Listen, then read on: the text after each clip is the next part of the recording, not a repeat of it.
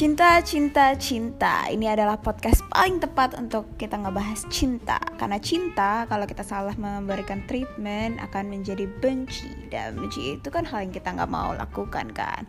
Nah untuk itu, ayo kita bahas bareng-bareng dan kita dapatkan cinta kita.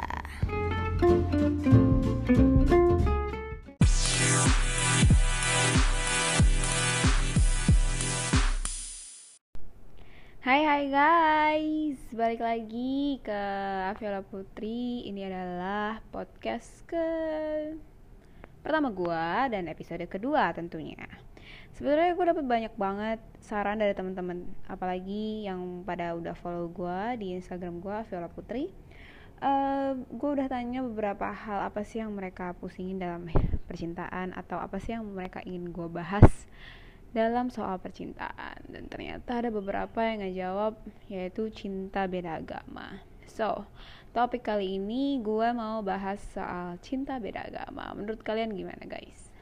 Intinya kalau misalnya kalian mau tanya soal percintaan atau mau gue bahas percintaannya di podcast gue, lu bisa uh, eh, DM aja langsung ke Instagram gue Villa Putri, oke? Okay?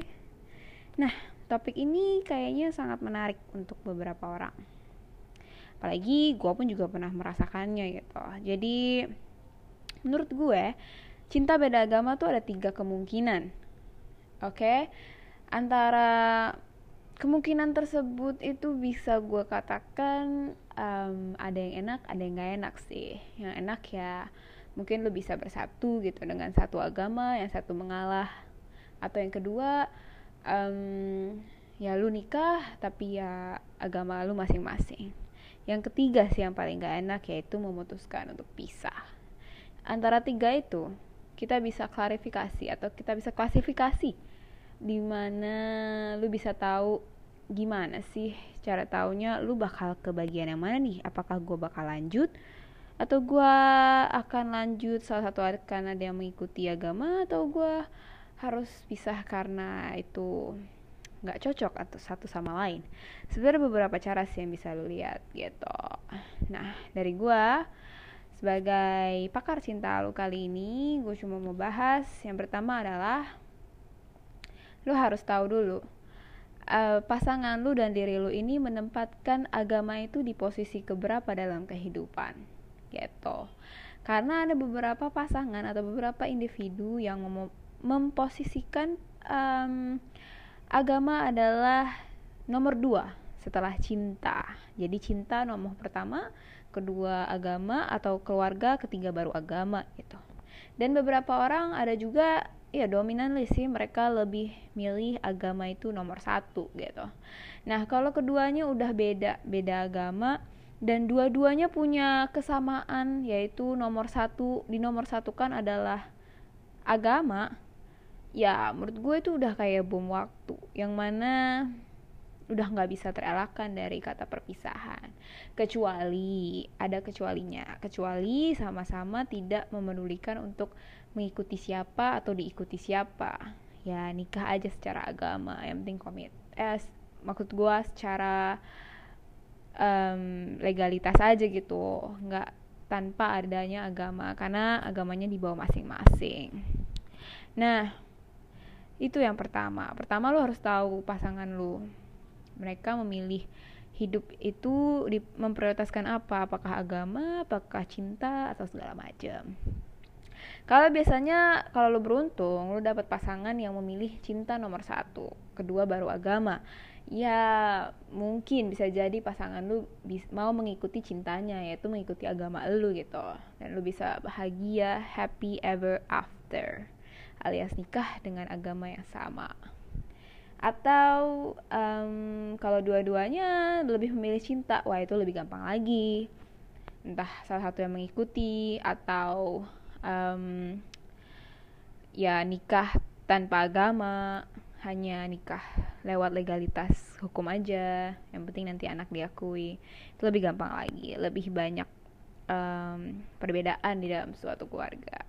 Tapi ya itu lebih cantik jadi gue tidak menyarankan apa-apa gue hanya katakan lo harus klasifikasi. Lu dan pasangan adalah orang yang mementingkan cinta nomor satu atau cinta nomor dua atau agama nomor satu atau agama nomor setelahnya gitu. Kemudian kedua setelah lu bedakan um, klasifikasi lu orang seperti apa lu harus tahu yang namanya orang. Kalau udah uh, memilih Tuhan satu nomor satu dan lu juga memilih Tuhan nomor satu itu seperti bom waktu. Yang mana bom waktu tersebut bom waktu namanya juga bom waktu pasti ada waktunya gitu. Pasti akan ada di titik, lu akan ada di titik uh, di mana lu harus menentukan. Menentukan kapan ini harus berakhir gitu. Jadi menurut gua yang kedua adalah lu harus pastikan hubungan lu mau dibawa seperti apa. Jangan sampai udah enam tahun tujuh tahun sayang nggak taunya keluarga tidak bisa menerima dan segala macam ya lu harus tahu lu bakal menghadapi dua kemungkinan kalau misalnya agama lu berbeda ya. Antara agama antara lu dengan pasangan nanti akan direstui oleh kedua belah pihak atau hanya satu keluarga yang merestui atau dua-duanya tidak merestui. Gitu. Dan lu dengan pasangan harus siap dengan semuanya dong semua konsekuensi. Kalau ada salah satu yang dia nggak siap misalnya dari awal gue nggak siap nih kalau keluarga gue yang nggak terima gitu. Ya mau nggak mau lu harus tunda dulu untuk uh, berhubungan lebih lanjut dengan orang tersebut gitu. kecuali lu udah terima semua konsekuensinya kalaupun diterima ya lu terima. Kalau misalnya salah satu doang yang merestui ya tetap jalan juga atau dua-dua tidak merestui tetap jalan ya silakan lanjut untuk hubungan tersebut kalau menurut gue dan sebelum bom waktu itu meledak ya lo harus pastiin itu dulu. Jangan sampai lo buang-buang waktu untuk orang yang belum tentu jadi pasangan hidup lo gitu. Yep kemudian um, setelah lu pastikan dan segala macam agama itu kan hal yang sensitif.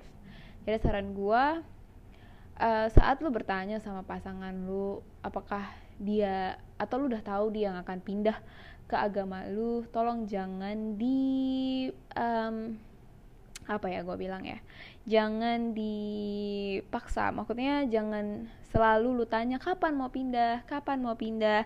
Biarin dia yang akan menentukan kayaknya gue butuh pindah sekarang deh atau kayak gue butuh pindah tahun depan deh. Kayaknya gue harus segala macam. Karena kalau lu paksakan ya kadang ada orang juga kan gak sabar gitu. Maksudnya gak sabaran. Kenapa sih lu nanya mulu? Toh gue juga yang pindah segala macam. Jadi ya udah biarin aja. Kalaupun emang lo mau menyinggung menyinggunglah sebentar gitu. Maksudnya jangan terlalu dalam-dalam banget. Kapan lo mau pindah segala macam. Dan kalaupun emang iya temukan orang yang tepat untuk membimbing pasangan kalian. Gitu sih. Beda ya ceritanya kalau misalnya kalian adalah di posisi bom waktu um, alias sama-sama mengedepankan Tuhan dan gak ada yang mau ngalah atau belum siap dengan resiko ya harus disudahi. Jadi gue nggak nggak punya saran untuk ke depannya seperti apa kecuali salah satu harus ada yang ngalah gitu. Cuma kalau misalnya uh, sudah tahu sudah menerima semua resiko ke depan seperti apa tahu semuanya akan uh, banyak keluarga yang menerima atau enggak uh, mau direstui atau enggak tetap jalan ya lu harus juga menjaga perasaan pra pasangan apalagi pasangan kita yang berubah untuk kita agamanya mengikuti agama kita atau um, lu sebagai posisi yang merubah juga ya buat diri lu senyaman mungkin dan carikan tem cari teman yang paling bukan teman sih mungkin lu bisa tanya teman dulu soal agama pasangan lu atau lu bisa cari uh, penuntun untuk agama entah itu di gereja atau di masjid atau di wihara yang paling uh, bisa ngobrol dengan lu senyaman mungkin. Jangan sampai ketemu orang yang um, kurang membuat lu nyaman gitu. Karena menurut gue agama tuh hal yang besar ya. Maksudnya lu nggak bisa sepelekan juga. Tapi gue beda juga mungkin ya untuk orang yang nganggap agama itu nomor dua atau tiga kan kita nggak tahu. Sih terus um, dan apa ya? Ya dan lu sebagai orang yang diikuti uh, oleh pasangan lu lu juga harus nuntun mereka pelan-pelan. Karena posisinya adalah mereka merubah untuk uh, lu berdua ke depan gitu dan untuk dirinya juga. Dan beda sama orang yang udah belajar agamanya dari kecil beda sama orang yang baru saja masuk ke agama yang baru itu beda banget. Apalagi caranya dia belajar lu nggak bisa paksain harus dari hatinya gitu kalau udah biasa makan sepiring ya dia harus makan bener-bener dari pinggir banget karena dia belum tahu apa yang dia makan apa yang dia rasain ke depannya gitu. Dia nggak tahu dia bakal enek atau dia segala macam jadi sama-sama saling support aja yang satu jangan terlalu jangan terlalu bertanya-tanya atau mengekang atau memberikan pressure biarkan uh, si pasangan belajar dengan kemampuan dia. Yang satunya juga kalau bisa berusaha untuk mencari orang yang tepat untuk menjelaskan. Dan orang yang tepat kadang bisa jadi pasangan kita atau orang di luar pasangan kita gitu. Atau bisa juga lu ubah jadi tujuan lu berdua adalah sama-sama belajar untuk agama tersebut gitu sih. Dan menurut gue untuk lo pada yang udah menentukan untuk tidak mengubah sama sekali beda agama ya menurut gue gue nggak bisa bilang fine fine aja. Maksudnya untuk international minded atau orang di luar negeri sana gitu ya ya udah banyak juga yang melakukan. Tergantung prinsip lagi tergantung baik lagi ke kondisi kalian. Siap tidak? Tidak mendengarkan orang lain. Siap tidak nanti um, anak mau dibawa ke agama apa segala macam. But in time lah kalian akan belajar sendiri dan kalian juga yang akan ngebuat jalan kalian sendiri. Jadi kalau menurut gue ya ya udah wajar-wajar aja. Maksudnya tergantung kalian bisa menyikapinya atau enggak gitu. Ya kan?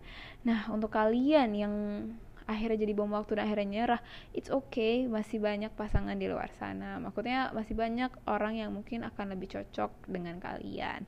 Dan bukan berarti kalian berhenti pacaran dan berhenti hubungan bukan berarti kalian berhenti silaturahmi juga.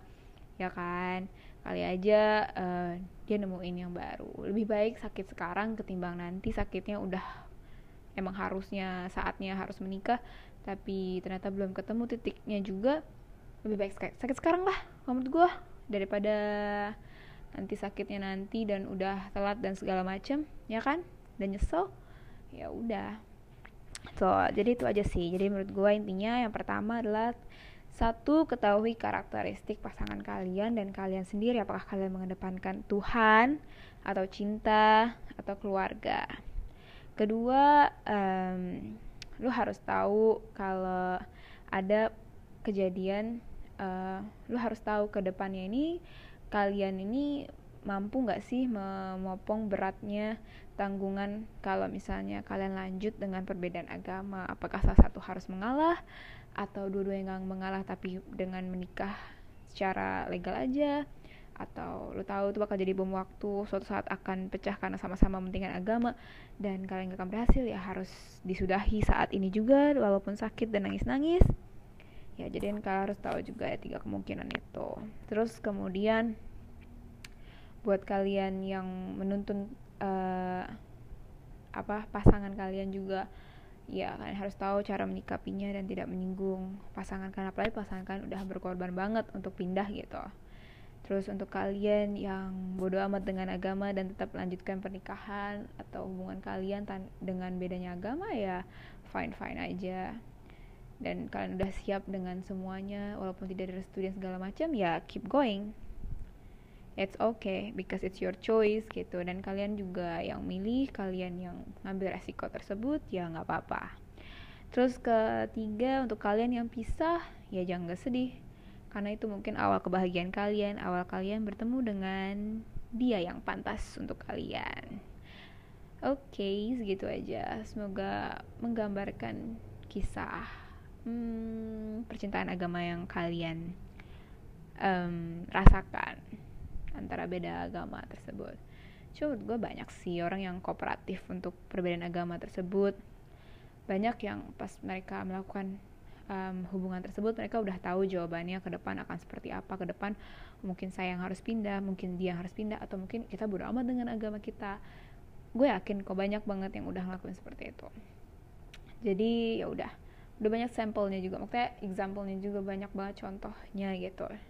Lagi teman-teman dekat kalian ya jangan sungkan sharing-sharing lah sama teman-teman dan coba lagi deketi orang tua kita kasih pengertian. Udah sih itu aja. Bye bye semoga membantu